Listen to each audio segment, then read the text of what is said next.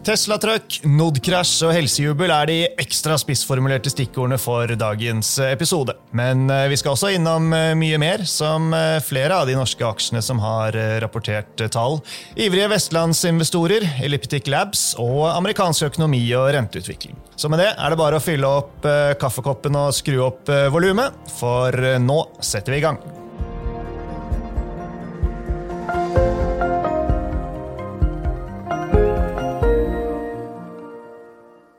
Velkommen til eh, Utbytte, DNB-podkasten der vi forklarer hva som skjer i den globale økonomien og finansmarkedene. Jeg er Marius Brun Haugen, og med meg har jeg aksjestrateg Paul Harper. Hei, Paul. Hei, Marius. Og mellom oss sitter ingen ringere enn Audun Vikstrand Iversen, som forvalter fondet DNB Disruptive muligheter. Hyggelig å ha deg her i studio igjen, Audun. Veldig hyggelig å være her, Marius. Bra. Du, Pål og jeg vi har uh, vært i Bergen denne uken, vi, sammen med flere DNB-ere fra Oslo-kontoret og møtt uh, kunder. Vi skal komme tilbake til det etter hvert også, men først så får vi ta den vanlige drillen, nær sagt. Det er uh, fredag 20. oktober når vi sitter her. Klokken den uh, nærmer seg eh, tolv.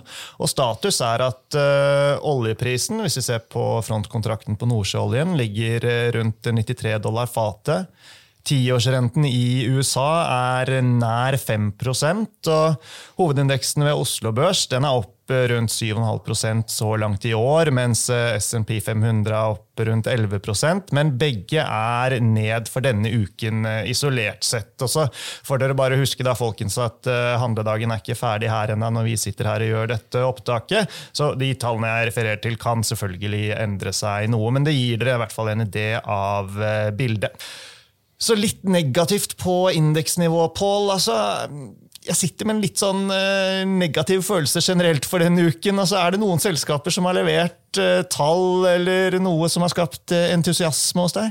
Ja, Ikke så veldig mye, faktisk. Det er ganske mange som har skapt litt skuffelse. kan man si. Det er en etter hvert litt lengre liste som begynner å bygge seg opp nå. Selskap som har reagert ganske negativt til Q3-tall. Gjensidige kommet til i dag, og den er eh, for øyeblikket opp rundt 4 eh, så det er vel egentlig unntaket, vil jeg si. Men stort sett resten av de som har rapportert, har heller vært litt på den svake siden, eh, spesielt da de siste to-tre dagene. Ja, da, Når det gjelder Gjensidige, hadde analytikeren vår Håkon Astrup en kjøpsanbefaling før rapporten, kursmål 185 kroner. Aksjen rundt 165 i dag.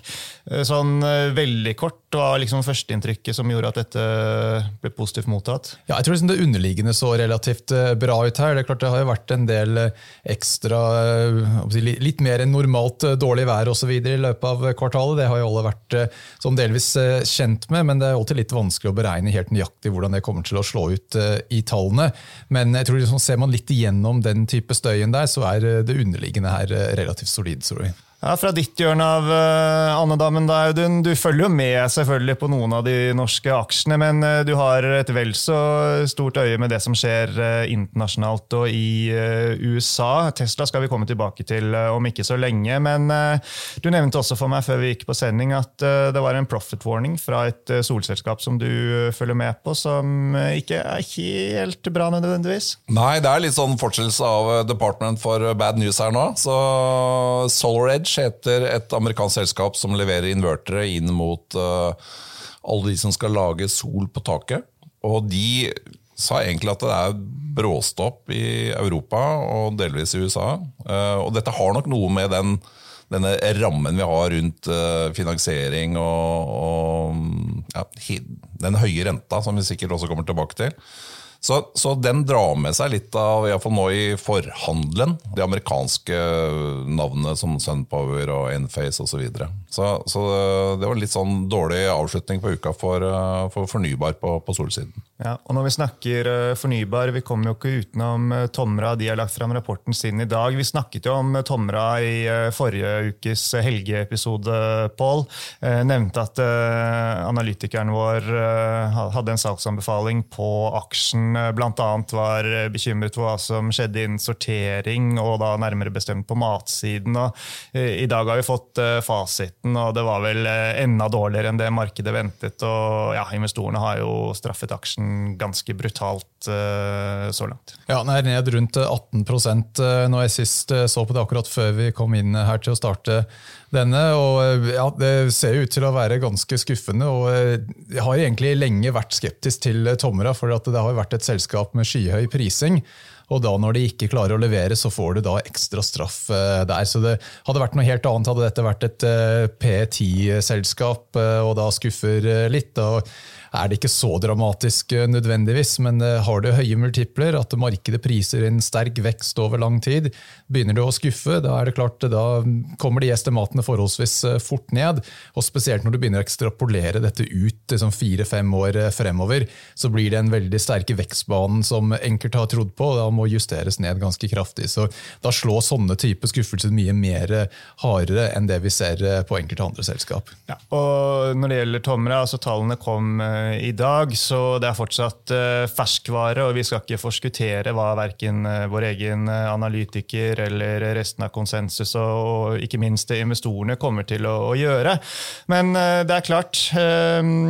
Ser vi på analysteamet hos oss, hadde de en salgsanbefaling kursmål 100. Der vi er nå, så er jo kursen nede på 90 kroner. og eh, Noen kommer vel til å ta en ekstra kikk på Tomra nå. Det er vel ikke helt usannsynlig det, Audun, etter det kraftige kursfallet vi nå er vitne til? Nei, og det, og gjelder jo de fleste av disse selskapene. Både Tomra og også Nod, Nodden, som var ute her og, og, skuffet også.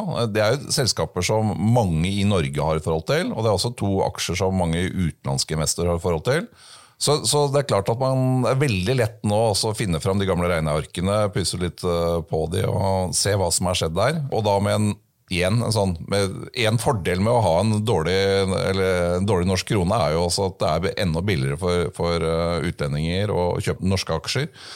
Så, så, så det, er, eh, det sendes nok ut noen sånne signaler om at hei, kom og kikk på meg nå, for nå er jeg kanskje billig. Mm. Mm. Ja, Nordic Semiconductor, eh, Pål. Eh, hva skal vi si her? Altså, eh, Aksjen ble jo hardt straffet. da Jeg tror de fleste av lytterne våre har fått med seg det på tirsdag, etter at de kom med en ny runde med ja, dårligere tall og også nye svakhetstegn i etterspørselen fra flere av topp kundene. Eh, aksjekursen eh, nede og vaker rundt 90 eh, kroner nå. Når det gjelder analytikeren vår her på huset, så gjentar han kjøpsanbefalingen, men har kuttet kursmålet til 125 kroner. og det er klart, Man kan velge å se på dette som en kjøpsmulighet etter fallet, Pål, men jeg tror det sitter langt inne for stadig flere. fordi det må jo være en del investorer som begynner å bli slitne, tenker jeg, sånn som utviklingen har vært. Ja, altså Dette er ikke første gang de har kommet med skuffende tall. Det har jo vært flere runder med skuffelser eh, her. og Noe som vi har vært litt inne på i tidligere sendinger, har jo vært eh, nettopp det at selv om det er et vekstselskap, så er det et syklisk element til eh, inntjeningen. Og Semiconductors da, det er jo en veldig syklisk bransje. og Det er noe som jeg tror mange analytikere kanskje har slitt litt med det å prøve å beregne hvor mye av den inntjeningsprofilen er sånn strukturell vekst, og hvor mye er syklisk. Da, og sånne type eksponering mot med sånne enkle duppeditter og, og sånn sånne ting. Det er klart det er jo en enkel måte å spare penger og ikke drive og kjøpe nye uh, AirPods og, og, sånne type ting uh, etter hvert. Så det er klart de, de sliter litt med det sykliske.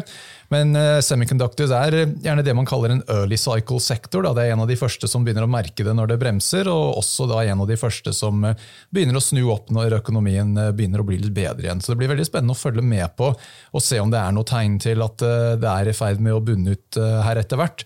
Men um, jeg synes det, er, veldig vanskelig å være helt sikker akkurat i, i dette selskapstilfellet, da, når du skal prøve å regne det frem hva er en fair value. For klart når estimatene faller, da blir det mye vanskelig å kunne stole på multipler når du er ikke helt sikker på hva de inntjeningsdelen av den brøken egentlig er. Ja. ja, kraftige kursfall som vi også opplevde i Nordic Semiconductor. Det må jo ikke nødvendigvis være negativt for aktive forvaltere som er på jakt etter muligheter, Audun, men du skal, du skal slippe å kommentere konkret på Nordic. altså. Nei, men, men, men dette spørsmålstegnet som, som, ligger litt i kjølvannet av Nod på de siste kvartalene, hvor, man, eh, hvor de etterlater seg et inntrykk at de har ikke helt eh, kontroll og klarer ikke helt å estimere, i alle fall eh, på kundesiden.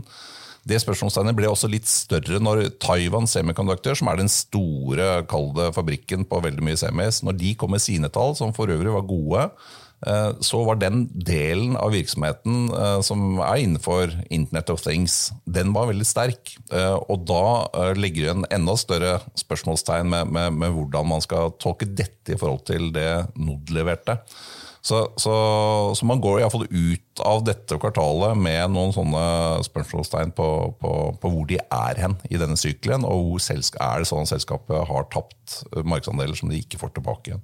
Så, så, det, er, det, er, det, er, noen sånne ting som skal hukes av før man går i fall tungt inn. Mm. Ok, eh, over til eh, en annen eh, aksje som du er opptatt av. Den har vi snakket om flere ganger. Det er Tesla. Også de kom med tall denne uken. Også her så fikk vi en negativ reaksjon. Da. Det er liksom den uken det blir mye, mye på, på, nedsiden i dag. Aksjen den falt den fra 250 til 220 etter rapporten, sånn ish. Blant de forklaringene som jeg har lest, så fikk aksjen seg en trøkk pga. Uh, tallene, men også at Musk advarte om at selskapets Cybertruck-bilmodell ikke vil generere positiv kontantstrøm før uh, tidligst i uh, 2025. men for alt jeg vet, så kan det være andre grunner som er viktigere enn dette, Audun? Nei, du er absolutt inne på, på noe av det. Når, si, sånn, når, man, når, man, leser sånne kvartalstall og hører på Musk live, så er det jo måten vi, vi, begynner å analysere det på, det er først å se på det kvartalet som de har levert på. og Det var, det var ok. Liten, par minuser på noen ting. Mm. Uh, og når de guider inn på neste kvartal, altså Q4, så var det for så vidt også ok. Der det begynner å gå dårlig, det er når uh, Elon Musk var litt mørk og begynte å prate veldig mye om, uh, om de tingene som jeg tror Fed-sjefen Powell er interessert i å høre, nemlig at dette med renta biter så mye at Tesla for sin del de ser på om de skal gjøre disse investeringene i å, å ekspandere, som de har tidligere pratet om. Fordi at kunden kanskje ikke har råd til å ta denne investeringen. Det er jo å kjøpe en bil. Og fordi bilfinansiering blir dyrere, bruktbilprisene faller osv. Så, videre. så det er egentlig et sånn narrativ som, som, jeg, som, de kanskje spiller høyt på, på, på neste Fed-møte. Fordi at dette er en, en stor sektor som, som, som, er veldig kapitalintensiv.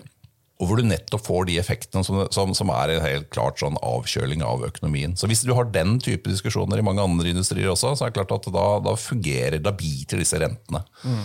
Ja, fordi Jeg leste også det at eh, Tesla-sjefen uttrykte bekymring for dette med høyere renter og konfliktene vi ser rundt omkring i, i verden osv. Men Paul, altså, jeg blir alltid litt sånn bekymret ja, når eh, konsernsjefer uh, begynner å uttrykke veldig bekymring for hva skal vi si, sånne eksterne faktorer. Sånn som hvis XXL begynner å uttrykke bekymring for været osv. Er ikke det fort en sånn varsellampe som blinker da? Altså, det kan jo være tilfeller at uh, det er fint å si, avspore litt og si at det er ting som er utenfor deres kontroll som gjør at det går uh, dårligere.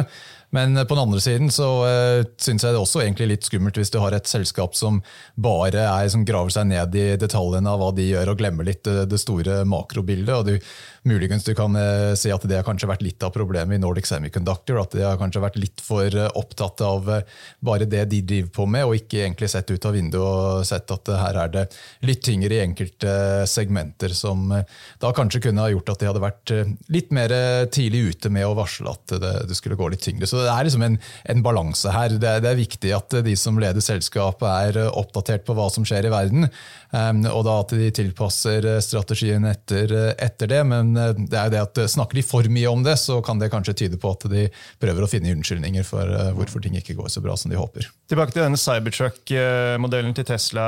Audun, det er kanskje ikke så viktig fra et sånt aksjekurssynspunkt. Altså, har egentlig investorene vært villige til å prise så mye inn akkurat på den delen av selskapet? Nei, Nå er Tesla så stort selskap at uh, man bryter opp estimatene ganske grundig. og Hvis du ser på det som ligger inne på estimatet fra analytikerne i årene som kommer på Cybertruck, så har den vært veldig beskjeden. Så, så, så, så, det skal nok ikke endre så veldig mye i bildet. Og du kan si estimatene for neste år uh, ikke er sånn veldig høye i forhold til i historisk vekstrate. Så, estimatene kommer noe ned, men, men, Cybertruck har jo vært et sånt symbol på, uh, på Tesla for veldig mange. Uh, hvor, hvor, hvor, nettopp dette er noe som er innovasjon, det er fremtid, dette gjør ting på en helt annen måte.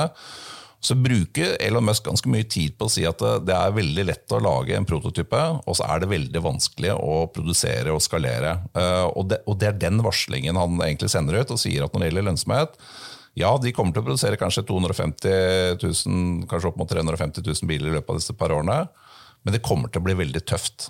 Det er hans budskap. Så, så han, han, vet jo litt hva han holder på med der. Men i sum, da? Altså, hva, hva, tenker du om Tesla eh, videre nå, etter det du fikk servert uh, tidligere i uken? Jeg har jo hatt mye Tesla i år. I begynnelsen av uka, før tallene, så, så tok jeg og halverte posisjonen fordi jeg var, jeg var litt usikker på tallene.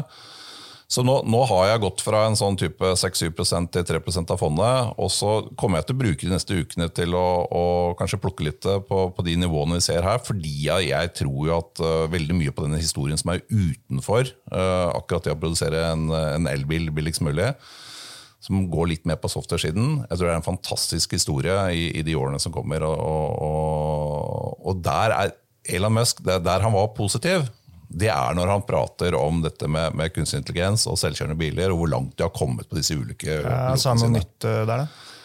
Han, han, sier at vi investerer veldig mye.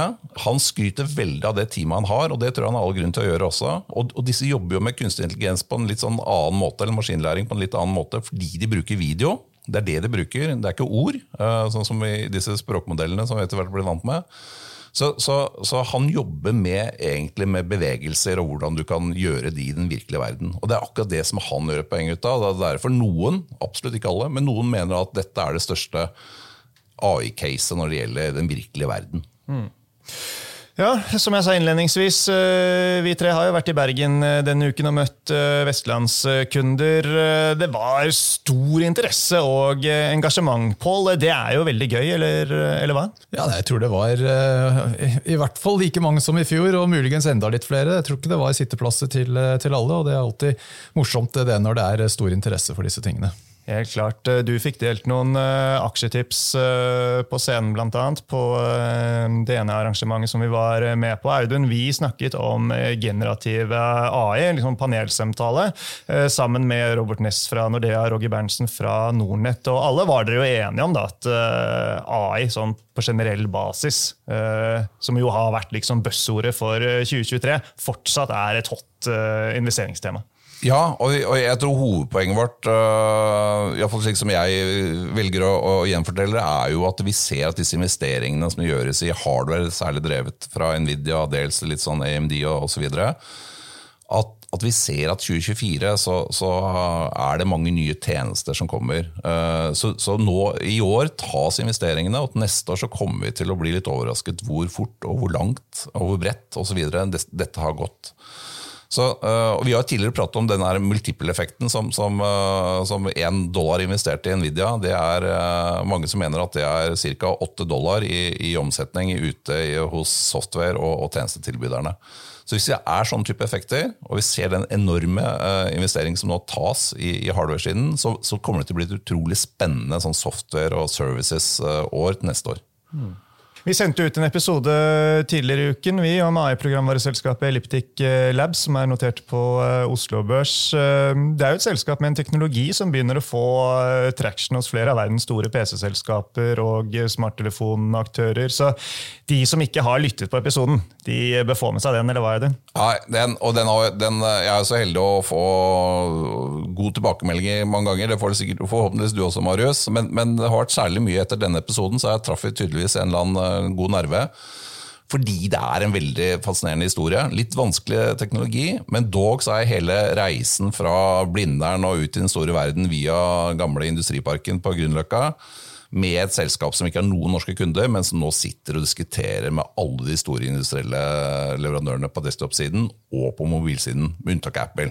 Bra! Det får bli ukens anbefaling hvis du har en halvtime til uh, overs. Uh, vi skal videre til kreftvaksineselskapet Ultimovax. De presenterte tirsdag resultater fra den kliniske prøven NIPU, som ser på behandlingen av pasienter med kreft i brysthinnen. Og investorene de reagerte, tro det eller ei dere, med å sende aksjekursen kraftig opp fra 110 kroner til i dag hvor den ligger godt over 140 140 kroner når vi sitter her. Så en av de hva skal vi si, få gladnyhetene denne uken. Helseanalytikeren i DNB Markets, Geir Hiller Holum, han har en kjøpsanbefaling på aksjen og kursmål 200. og Han stakk innom studio tidligere i dag for å gi oss en kort oppdatering.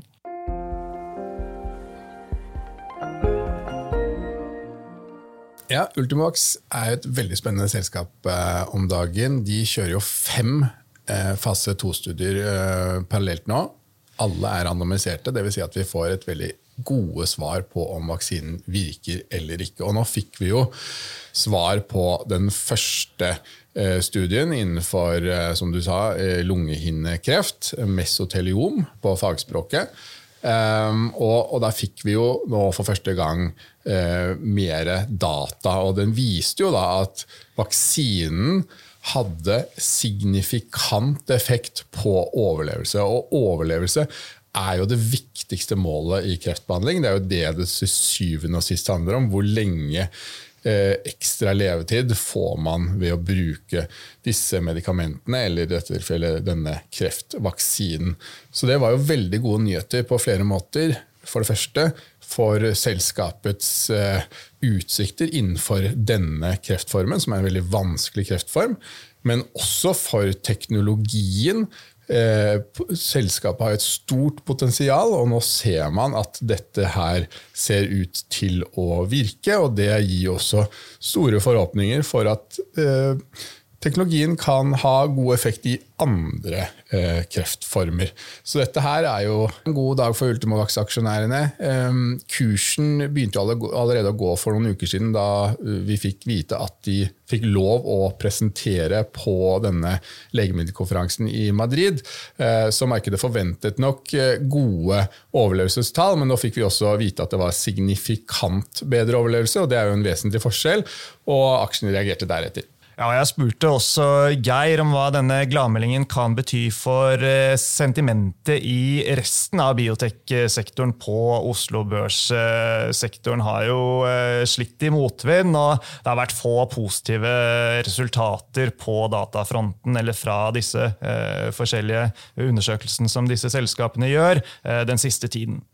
Det er som du sier, det har vært eh, noen tunge år i, i bioteksektoren generelt. Og i Norge så har vi jo eh, i tillegg hatt eh, noen selskaper som har hatt stang ut, så dette her var jo veldig viktig for, for norsk biotek. Og, og, vi merker jo det en, en viss lettelse både blant selskapene der ute, og også en, en mer interesse blant investorene. Og jeg, jeg tror ikke selskapene blir nedringt i morgen, men det er nok lett lettere for uh, selskapene å komme over dørstokken og få presentert seg for investorene nå. Så, så dette her var helt utvilsomt uh, viktig.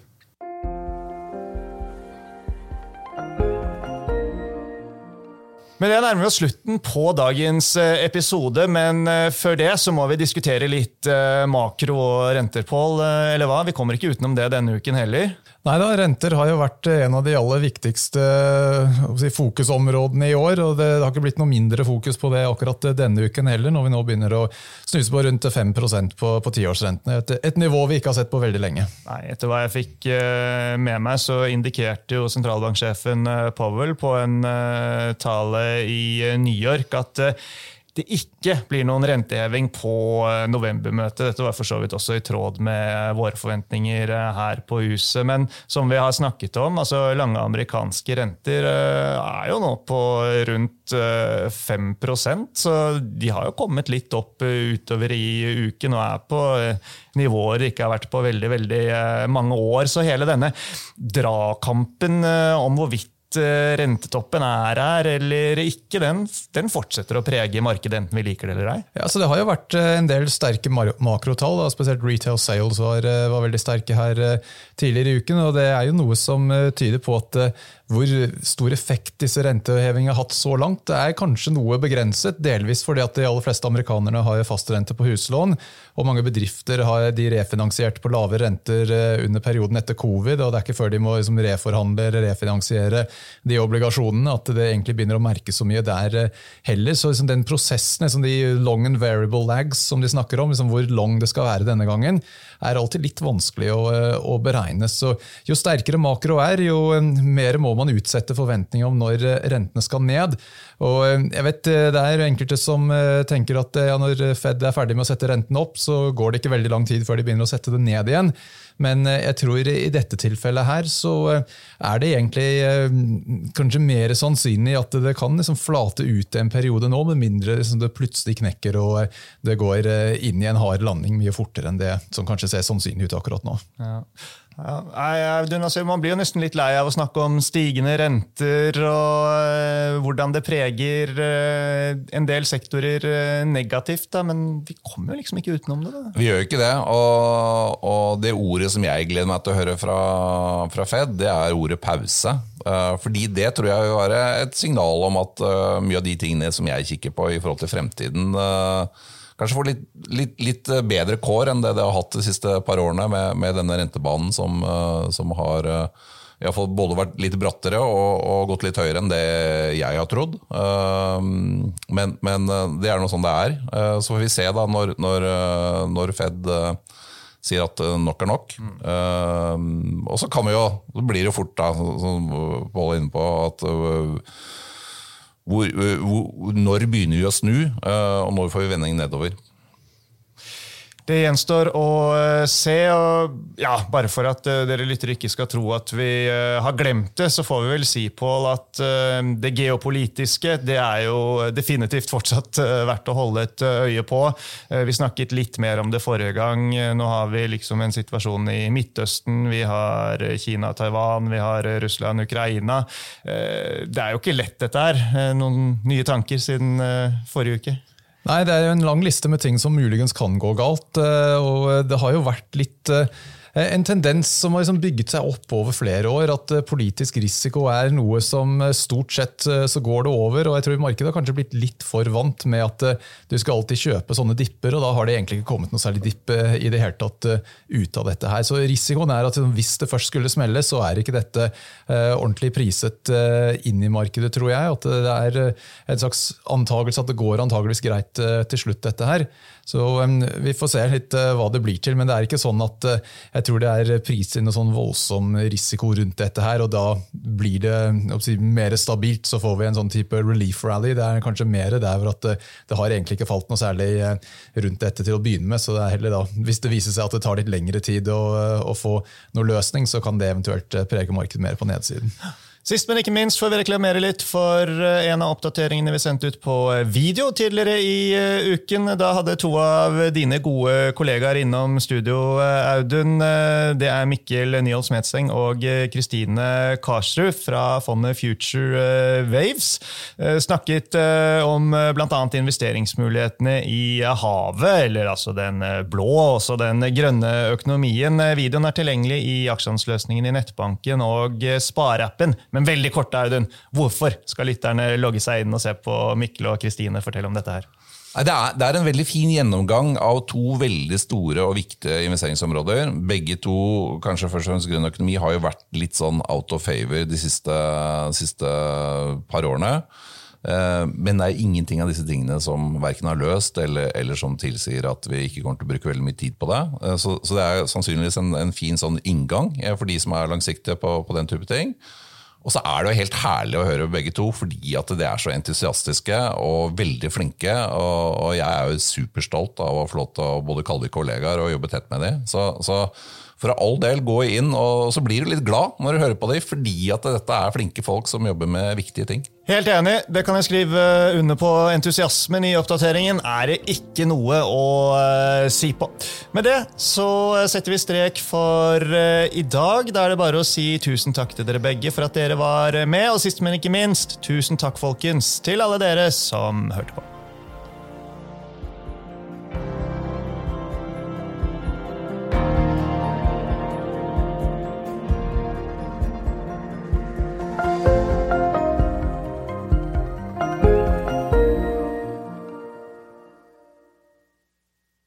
Denne sendingen ble publisert i podkasten Utbytte.